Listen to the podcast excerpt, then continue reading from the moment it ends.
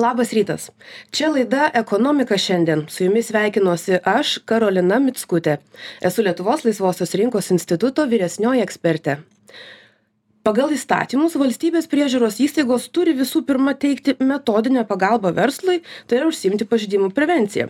Vis tik daugėja pavyzdžių kai priežiūros įstaigos eina kiek paprastesniu baudų skyrimo taku bet ar tai tikrai leidžia joms pasiekti savo tikslų? Šiandienos diskusijos tema konsultuoti negalima bausti kur kablelį deda verslą prižiūrinčios įstaigos. Šiandien studijoje su manimi konkurencijos tarybos pirmininkė Jolanta Ivanauskienė. Labadiena. Labadiena. Taip pat prisijungia priežiūros institucijų asociacijos direktorė Aušra Lučinskaitė. Labadiena. Labadiena. Ir taip pat diskusijoje dalyvauja advokatų kontoros Motieka ir Audzevičius konkurencijos teisės advokatas Henrikas Stelmokaitis. Labadiena. Sveiki. Pirmas klausimas tuomet, ponė Stelmokaitė, ir jums. Mhm. Tai tas retorinis teisininkams klausimas o tai kiek reikia tą verslą realiai prižiūrėti? Aš pradėčiau nuo to kad pats žodis prižiūrėti yra šiek tiek su neigiama konotacija lyg verslas kažko nesugebėtų. Manau verslą kartais tikrai reikėtų prižiūrėti kai taisyklės painios ir verslas neranda atsakymo sau ir teisinėj plotmėj tai kaipgi jis gali ar negali elgtis ypač kai tai susiję su naujom rinkom inovacijom socialiai jautriu verslu arba didele rinkos galia, tuomet tos priežiūros galėtų būti arba galėtų būti daugiau negu kažkokia vidutinė norma. Tačiau laikykime pozicijos, kad visgi e, verslas turi tiesiog žinoti taisyklės ir e, reikėtų prižiūrėti, ar verslas žino taisyklės, o ne patį verslą. O turit gal kokių gerų ir blogųjų tų priežiūros pavyzdžių?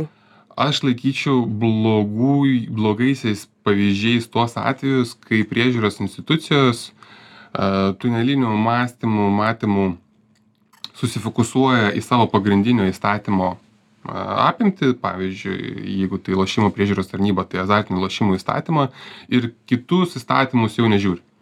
Pavyzdžiui nesupranta kad egzistuoja konstitucija Europos žmogaus teisų konvencija ir tuomet jokio balanso ir supratimo tarp teisinių gėrių nėra, o yra mm, labai tiesmukiškas teisės raidės taikymas, nežiūrint, kam jinai skirta. Tai čia yra blogieji pavyzdžiai, iš gerųjų pavyzdžių tikrai galim paminėti konkurencijos tarybos pastangas žiūrėti plačiau į įstatymą, pavyzdžiui, savivaldybėms bandant monopolizuoti per savo įmones tam tikras rinkas. Ir žiūrima ne tik į konkurencijos įstatymą, bet ir tą pačią vėlgi konstituciją, nors teisininkams konstitucija yra tam tikras e, movetonas apie jį išnekėti dažniausiai, nes tai plačiausias teisės aktas, bet tikrai iš šio aukščiausio teisės akto išplaukia tam tikros uh, sąlygos, kuriomis rinka gali ir turi veikti ir konkurencijos taryba tam tikrai skiria dėmesį ir e, padeda visam verslui konkuruoti sąžiningai. Tai čia yra geroji priežiūros e, sritis, tikrai taip ponia lučinskaite girė girdi girdėjom ir ir gerų ir ne tiek gerų dalykų. Tai gal turit ką replikuoti? Ir šiaip man įdomu yra bendrai kokia yra ta priežiūros įstaigų misija tuomet. Ko gero ne baudas išrašinėti bet gal tiesiog toks kipiaisas paprastesnis yra. Mm, mes turbūt iš karto akcentą sudedam į priežiūrą bet e, galbūt galim kalbėti apie tai kad yra trys etapai iki tos priežiūro atėjimo tai visų pirma savireguliacija e, mhm. tai ūkio subjektai e, verslai asmenys patys jie visų pirma turi būti pakankamai irgi domėtis e, pokyčiais vykdyti savyje turbūt. Antras dalykas tai yra visuomenė visuomenės toleravimas ar ar ar visa tai kas vyksta yra gerai ir tinka pagal vertybes ir tiktai trečias dalykas tuomet ateina jau priežiūra tuomet ateina e, valstybinės institucijos o, su funkcija saugoti visų mūsų gerovę. Tai mes nekalbam apie tai kas tik yra gerai ūkio subjektui verslui mes kalbam apskritai bendrai apie gerovę mūsų ane tai ir tos misijos ką mes dabar matom kaip priežiūros institucijos formuoja tai tiek misijos tiek visi rodikliai pasiekimo jie daugiau į mūsų visų vertybinę apsaugą Mhm. Kas tai bebūtų, ar tai laisva, laisvė konkurencijai, ar tai sveikata, ar tai energetiniai ištekliai, tai orientacija yra daugiau į, į pokytį link link, link tokios lengvos priežiūros trečiame etape. Tai būkim sąmoningi ir savireguliaciją darykim pirmame žingsnėje. Suprantu, tai, tai galim sakyti, kad baudos nėra tas vienintelis kelias ir misijos yra gerokai platesnės, čia aš leidžiu savo taip rezumuoti. Pone Ivanauskenė, kokias pagrindinės funkcijas vykdo konkurencijos taryba? Ar dabar girdint kažkokių yra specifinių ypatumų šitos įstaigos? Minėjom, kad, kad pagalba yra iš jūsų pusės, o kaip jūs tai galvojate? Taip, e, džiugu iš tikrųjų e, tą girdėti, bet e, ką minėjo tikriausiai ir užra, mūsų ta pagrindinė funkcija, pagrindinis darbas tai yra veiksmingos konkurencijos apsauga. Mhm. Ir tikrai jokiomis baudomis nematuojame savo veiklos efektyvumo, pirmiausia žiūrime naudą sukurtą vartotojams, nes tai nėra na, savitikslis dalykas, ta konkurencijos apsauga, bet būtent ji yra saugoma tam, kad mes visi kaip vartotojai vartotojai turėtume geriausias prekių ir paslaugų kainas, jų kokybę, nes būtent konkuravimo procese tas, tas ir galima. Ir e, įvairovę prekių, lygiai tas pačias inovacijas verslas kuria tuomet, kai konkuruoja tarpusavėje. Tai e, mūsų, mūsų veikla pirmiausia ir yra susijusi su e, konkurencijos reikalavimu tų laikymusi, kad, kad jų būtų laikomasi. Ir iš ypatumo, jeigu labai trumpai, tai turbūt galėčiau paminėti tai, kad na, konkurencijos įstatymas e, ir, ir kiti mūsų prižiūrimi teisės aktai nenustato, kaip reikia tinkamai konkuruoti. Mhm. E, nėra pasakyta, kaip reikia įmonėms formuoti kainodarą, e, kaip spręsti, kokias prekes ar paslaugas siūlyti vartotojams, kaip bendradarbiauti su partneriais ar ne. Yra tik tai keletas konkrečių draudimų, kas yra negalima, tai pavyzdžiui, konkurencija riboja galiojantys susitarimai negalimi kaip kad dėl prekių ir paslaugų kainų negali konkurentai susitarti ar ne nes mes tada visi mokėsime brangiau. E, lygiai taip pat rinkos galią turintiems subjektams vadinamiesiems dominuojantiems subjektams yra papildomos vėlgi tam tikri draudimai ko negalima daryti. Na arba įmonėms negalima jungtis e, tos vadinama koncentracijų priežiūra negavus konkurencijos tarybos e, leidimo jeigu yra viršijama tam tikros pajamų ribos. Tai vėlgi tai galioja tiktais e, didesnėms įmonėms ar ne? Ir ir iš to turbūt na tam tikra specifika išplaukia kad skirtingai negu nuo sakykim nežinau maisto saugos srityje na nėra kaip tenais kad galima sakyti sureguliuota koks turi būti gaminant ar parduodant maisto produktus na nežinau apšvietimas ventiliacija pakuotės ženklinimas ar ne? Tokių reikalavimų čia nėra. Čia yra labai aiškiai pasakyta kad galima viskas verslai yra laisvi spręsti kaip jie veikia rinkoje yra keletas draudimų. Tai dėl to mes neatliekame jokių planinių patikrinimų kas yra labai būdinga mhm. E, daugeliui kitų e, verslo e, priežiūros institucijų. Mes įsikišame tuomet tuomet kai kyla pakankamai rimtų įtarimų kad na draudimų nesilaikoma. Tai jeigu taip labai trumpai e, tuos tuos e, kelis ypatumus e, išvardijau jeigu reikėtų, galėčiau po to su, su pavyzdžiais konkretesniais. Gerai, iš vartotojų pusės tai džiaugiuosi, kad ne tik vartotojų teisų apsaugos tarnyba mumis rūpinasi, bet ir jūs. Uh, Pone Stelmokaitį, turim ne... konkurencijos teisės specialistus. Pritarėte, nepritarėte? Gerai. Me, me, mes su ponai pirmininkė abu specialistai. Aš tiesiog išversiu į verslo kalbą, ką verslas mato kaip ypatumą konkurencijos tarybos. Tai pirmiausias dalykas, kad tikrai teisingai pabrėžė, nėra labai griežtų aiškumo prasme, kad pažodžiui būtų parašyta, ko galima, ko ne, ką galima daryti. Ir verslui iš to kyla labai daug klausimų, kai jau susimasto apie tokį dalyką kaip konkurencijos teisė ir sąžininga konkurencija, tai kas galima, o kas negalima. Ir tuomet jau, kadangi yra tikrai visų konkurencijos institucijų, konkurencijos priežiūros institucijų ypatumas visoje Europoje neteikti individualių konsultacijų, kas Europos komisijos lygių po labai šiek tiek pradeda keistis, e, bet verslas mato konkurencijos tarybą ir matuoja jos efektyvumą būtent baudom. Nes pats verslas e, naudos iš konkurencijos tarybos dažniausiai nepamato. E, prie to prisideda ir tai, kad tikrai yra ne vienas, ne du atveju, kai konkurencijos problema apima visą rinką. Ir tokiais atvejais aš asmeniškai iš profesinės pusės tikėčiausi, kad konkurencijos taryba ją spręstų švietimo pusės, kad ir privalomo švietimo, bet e, ne iš karto tyrimų, kurio rezultate būtų bauda. Tai čia ir yra, sakykime, ta tam tikra priešprieša tarp konkurencijos specialistų šitos diskusijos kontekste, kad konkurencijos taryba tikrai teisingai sako, kad e, reikia prižiūrėti ir e, reikia parodyti, kas yra negerai. E, verslasgi mano, kad dažniausiai atveju jis tiesiog nežinojo, kas tai yra negerai ir užtektų pamokos ir nurodymo daryk taip ar ne kitaip, o ne iš karto baudų visai arba didžiai daliai rinkos. Aš e, norėsiu dar šiek tiek grįžti vėliau prie to klausimo bet ko gero jeigu tiek yra neaiškumų reguliavime pone ponia lučinskaite ar galiu sakyt kad kartais ir pačiom priežiūros įstaigoms arba rūpesčio įstaigoms dabar kaip sakot nėra taip labai aišku?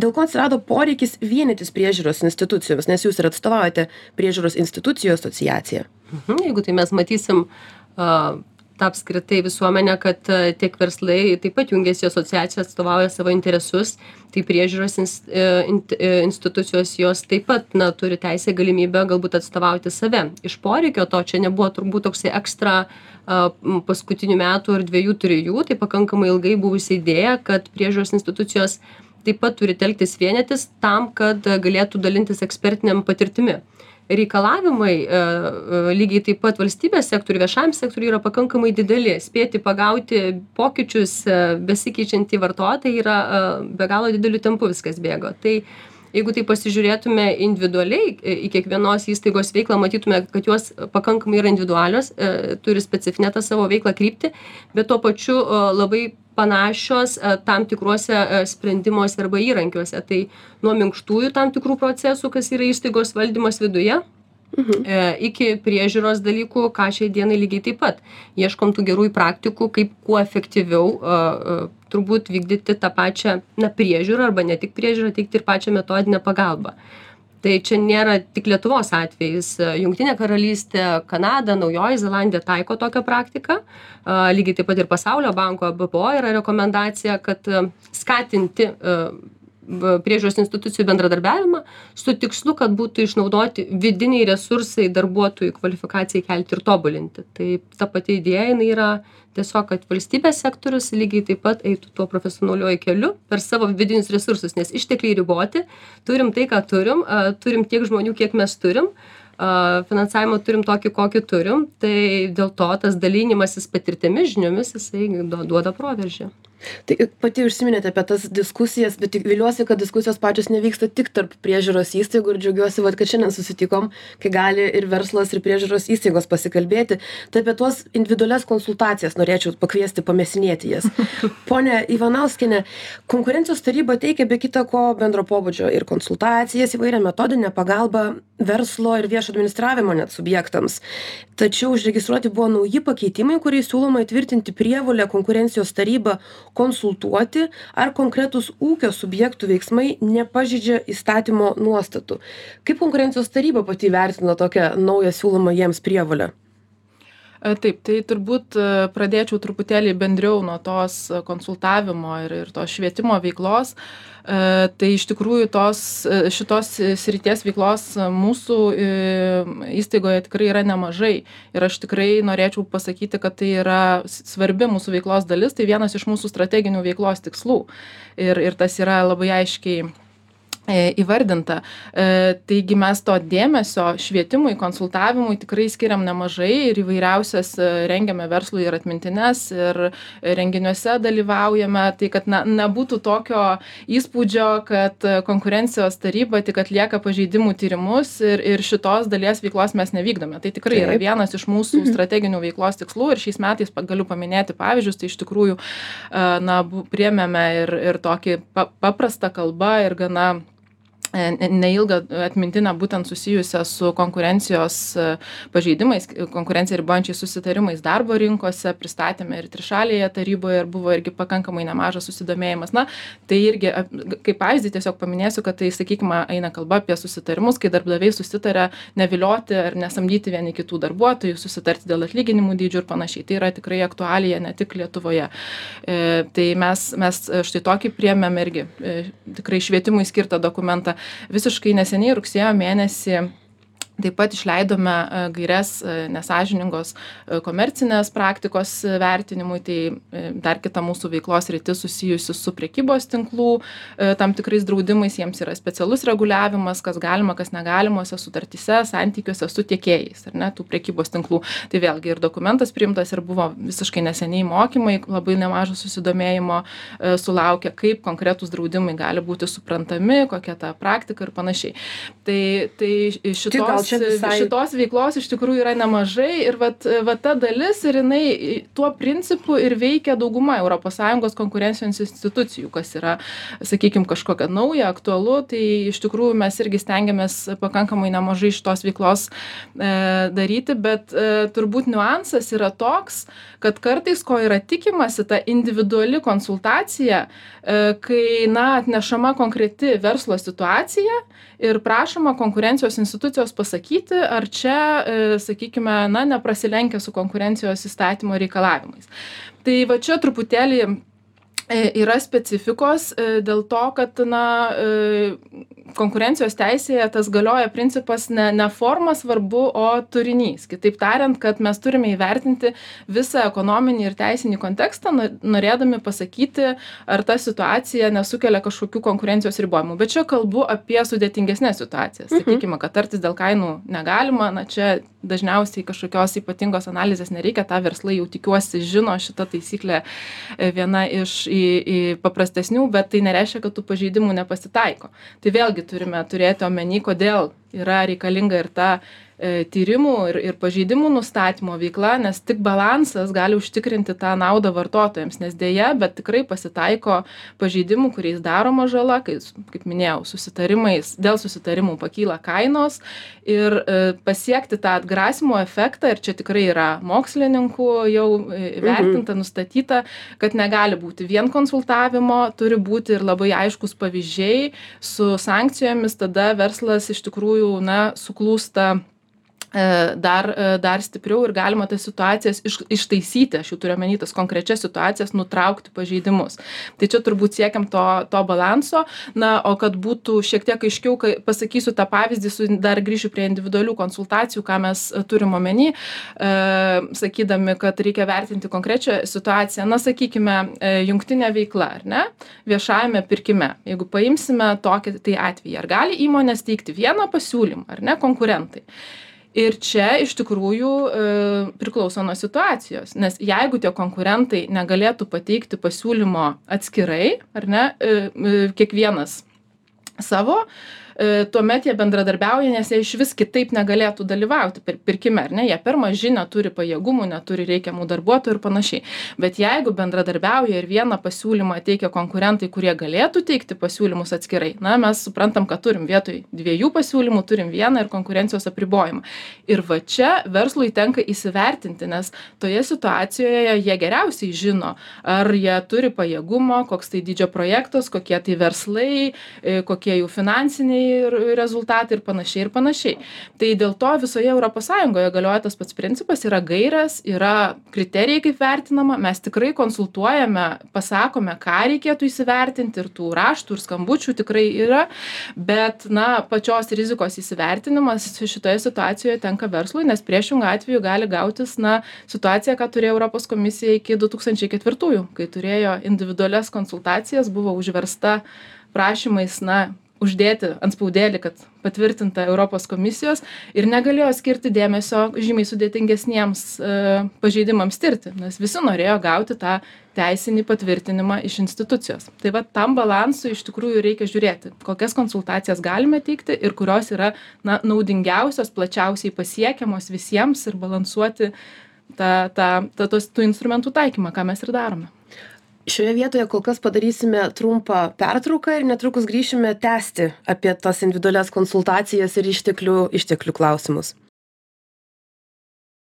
Sveiki sugrįžę, čia laida Ekonomika šiandien ir mes šiandien kalbame apie valstybės priežiūros įstaigos ir kaip jos atliepia savo misiją, o gal net paties verslo poreikius prieš tai gerbiama ponia ivanauskienė konkurencijos tarybos pirmininkė aptarė aš suprantu tiek išteklių klausimus taip pat poreikį ar net galimybės teikti individualias konsultacijas ar konkretūs ūkio subjektų veiksmai nepažeidžia įstatymo nuostatų. Na o dabar sugrįžus norėčiau ponia stelmokaite jūsų paklausti gal būtent tokios pagalbos ir reikia? Nes aš suprantu čia patikslinkite jeigu klystu jeigu konkurencijos taryba pasakytų kad taip šitie veiksmai nepažeidžia konkurencijos tarybos konkurencijos nuostatų tai gal po to net nebūtų galima ir ir baudų išrašinėti mes nes ginčytumeisi kad konkurencijos taryba gi jūs galėjot anksčiau pasakyt bet čia toksai džiazas į šoną. Tai ponia stelmokaite gal tokių vat konsultacijų reikia? Tai dėl džiazo taip. Čia viena iš priežasčių dėl kurių institucijos ir vengia duoti tikslių labai atsakymų, bet mes netgi nekalbam apie tikslius atsakymus dažnu atveju, mes kalbam apie tai, mm, minint patį projektą, galbūt dar šiek tiek pakomentuojant, kad profesinių vertinimų tiek viešasis viešo administravimo įstatymas, tiek ES pagrindinių teisų hartija ir kiti aktai įpareigoja konkurencijos tarybą konsultuoti mes labiau susiduriam su tuo, kad e, nėra jokios prievartos mechanizmo priversti konkurencijos tarybą konsultuoti taip, kaip tu norėtum. Ir to ir neturėtų būti. Bet e, pačios policy dalies, kad konkurencijos taryba būtų pasirengusi suteikti tikslesnių konsultacijų, o ne nuorodą į vieną statymą ar gairias, norėtųsi daugiau ir norėtųsi daugiau būtent bendradarbiavimo tarp verslo ir konkurencijos tarybos bet tam reikia ir be abejo laiko verslui suprasti kad tai yra įmanoma nes ką mes turime ir šitoj vietoj šališkas atstovauju vienai iš šalių ginče bet pasikreipia į konkurencijos tarybą su klausimu ar tam tikra etikos kodekso nuostata yra leistina ar neleistina konkurencijos įstatymo požiūriu ir po trijų su virš metų visa asociacija ir visi asociacijos dalyviai gavo baudas. Tai klausimas tokioj vietoj, kai tu pasikreipi su klausimu ir parodymu, kad tu nesupranti, ar čia yra pažeidimas ar nėra pažeidimas, ko verslas labiau tikėtųsi? Visas verslas ir visa rinka ane kad tas konkretus asmuo būtų nubaustas ar visgi kad visai rinkai būtų paaiškinta kaip reikia elgtis? Tai čia verslo požiūriu visą laiką norėtųsi būtent kad kad yra apskritas stalas arba ta pati vieša konsultacija po kurios jeigu tu jau jos nesilaikai ir būtų pasakyta niu niu niu bauda suprantama ir konkurencijos tarybos pusė kad tam tikri pažeidimai ir yra mm, ypač pavojingi dėl to, kad jie būna slapti. Ir kai konkurencijos taryba pasako, taip negalima daryti, žmonės dar pradeda labiau slėpti, bet mes vėlgi esame rinkos ekonomikoje ir jeigu konkurencijos taryba mato, kad rinkoje niekas nesikeičia, tai galbūt tas pažeidimas ir liko. Jeigu mato, kad pasikeičia, tai atitinkamai kažkas pasikeitė tikėkimės į gerąją pusę. Tai norėtųsi visgi, kad jeigu jau identifikuoja verslas pats probleminę situaciją, pirmiausia ateitų ne grubiai tariant neteisiškai krata iš konkurencijos tarybos ir tada ilgas tyrimas su bauda rezultate, o kad ir patikrinimas tas netikėtas, bet ir pasakymas, žiūrėkit, jūs elgiatės neteisingai, ačiū kad pažeidimą nutraukėte jeigu mes matysime kad jis kartojasi arba toliau tęsiamas ar atsinaujina tada bus bauda. Nes a, dirbau daugiau negu dešim metų su konkurencijos įstatymu aš iki šiol nežinau visų niuansų ir kiekvieną kartą turiu pasitikrinti ar taip galima ar negalima daryti nes konkurencijos teisė tikrai nėra a, vartotojui ir žemesnės grandies vadybininkui suprantamas dalykas kaip e, baudžiamasis kodeksas kur labai aiškūs reikalavimai nežudyk nevok ir taip toliau. Tai šitoj vietoj e, turėtų būti geriausias specialistas ką galima ką negalima pirmininkė ir jinai ir turėtų sakyti kad žiūrėkit čia konkurencijos politika yra tokia čia anokia o ne tai kad vat yra įstatymas ir patys žiūrėkite galbūt pataikysite galbūt ne Tai kaip suprantu, diskusijos rezumė daugiau klausimų negu atsakymų. Gal turite? Aš prašau. trumpai, jeigu galima, dar norėčiau sureaguoti, e, tada e, koks būtų lūkestis iš verslo, kad ateitų ne po keletą metų pažeidimo darimo, o visgi jeigu nori konsultacijos, tai tokiu atveju reikėtų kreiptis prieš sprendžiant dėl konkrečių veiksmų atlikimo. Ir netgi tais atvejais kai pažeidimas yra daromas yra instrumentų kada galima ateiti prisipažinti ir būti atleistam nuo baudos. Tai ir tą mes tikrai informuojam ir pasakome. Kitas klausimas ar ūkio subjektai na nori pasinaudoti tokiomis galimybėmis nes su tam tikrom pareigom tos galimybės ateina. Taip kad čia turbūt iš iš abiejų pusių yra yra kur patobulėti ir, ir pasitempti. Pone Lučinskaitė, rezumuojant jau tada, klausantis šito iš šono, suprantu, konkurencijos taryba labai stengiasi, bet vis dėlto poreikiai tam tikrai subjektų ir vartotojų nėra atliepiami. O kaip Jūs vertintumėte, kaip iš priežiūros įstaigų asociacijos vadovė? Matau tą pokytį, jo labiau žinom, kad ekonomikos inovacijų ministerija kas du metus atlieka ūkio subjektų verslo priežiūros pažangumo vertinimą tai mes matom kad priežiūros institucijos tikrai stengiasi nes nuo du aštuonioliktų buvo du dvidešimtais švieslentė du dvidešim antrais e, visose srityse po pokytis vyksta tai tai nereiškia kad e, galbūt visu šimtu procentų mes galim sakyti kad taip priežiūros institucijos e, atitinka visus e, poreikius lūkesčius iš verslo bet tai kad mes sėdim šiandien čia galim kalbėtis ir girdėti vieni kitus tai man atrodo tai yra toks ir pergalė ir bendradarbiavimo pavyzdys kad priežiūros institucijos girdi verslas irgi gali girdėti ir išsakyti ir diskutuoti tai Ir- labai džiugu Ačiū Jums labai, čia labai gražus ir užbaigimas mūsų šios dienos diskusijos. Tą norėčiau tęsti ir tęsti vis dėlto. Kol kas pradžiai pirmam kartui vertinu, kad užteks. Labai Jums ačiū. Ir apie verslo priežiūros įstaigų misiją kalbėjome su konkurencijos tarybos pirmininkė Jolanta Ivanauskienė. Ačiū Jums. Taip pat su priežiūros institucijų asociacijos direktorė Aušra Lučinskaitė. Dėkoju. Ir advokatų kontoros Motieka ir Audzevičius konkurencijos teisės advokatu Henriku Stelmokaičiu. Ačiū, ponė Stelmokaitė. Taip pat dėkoju Jums klausytojai. Šiandien tiek.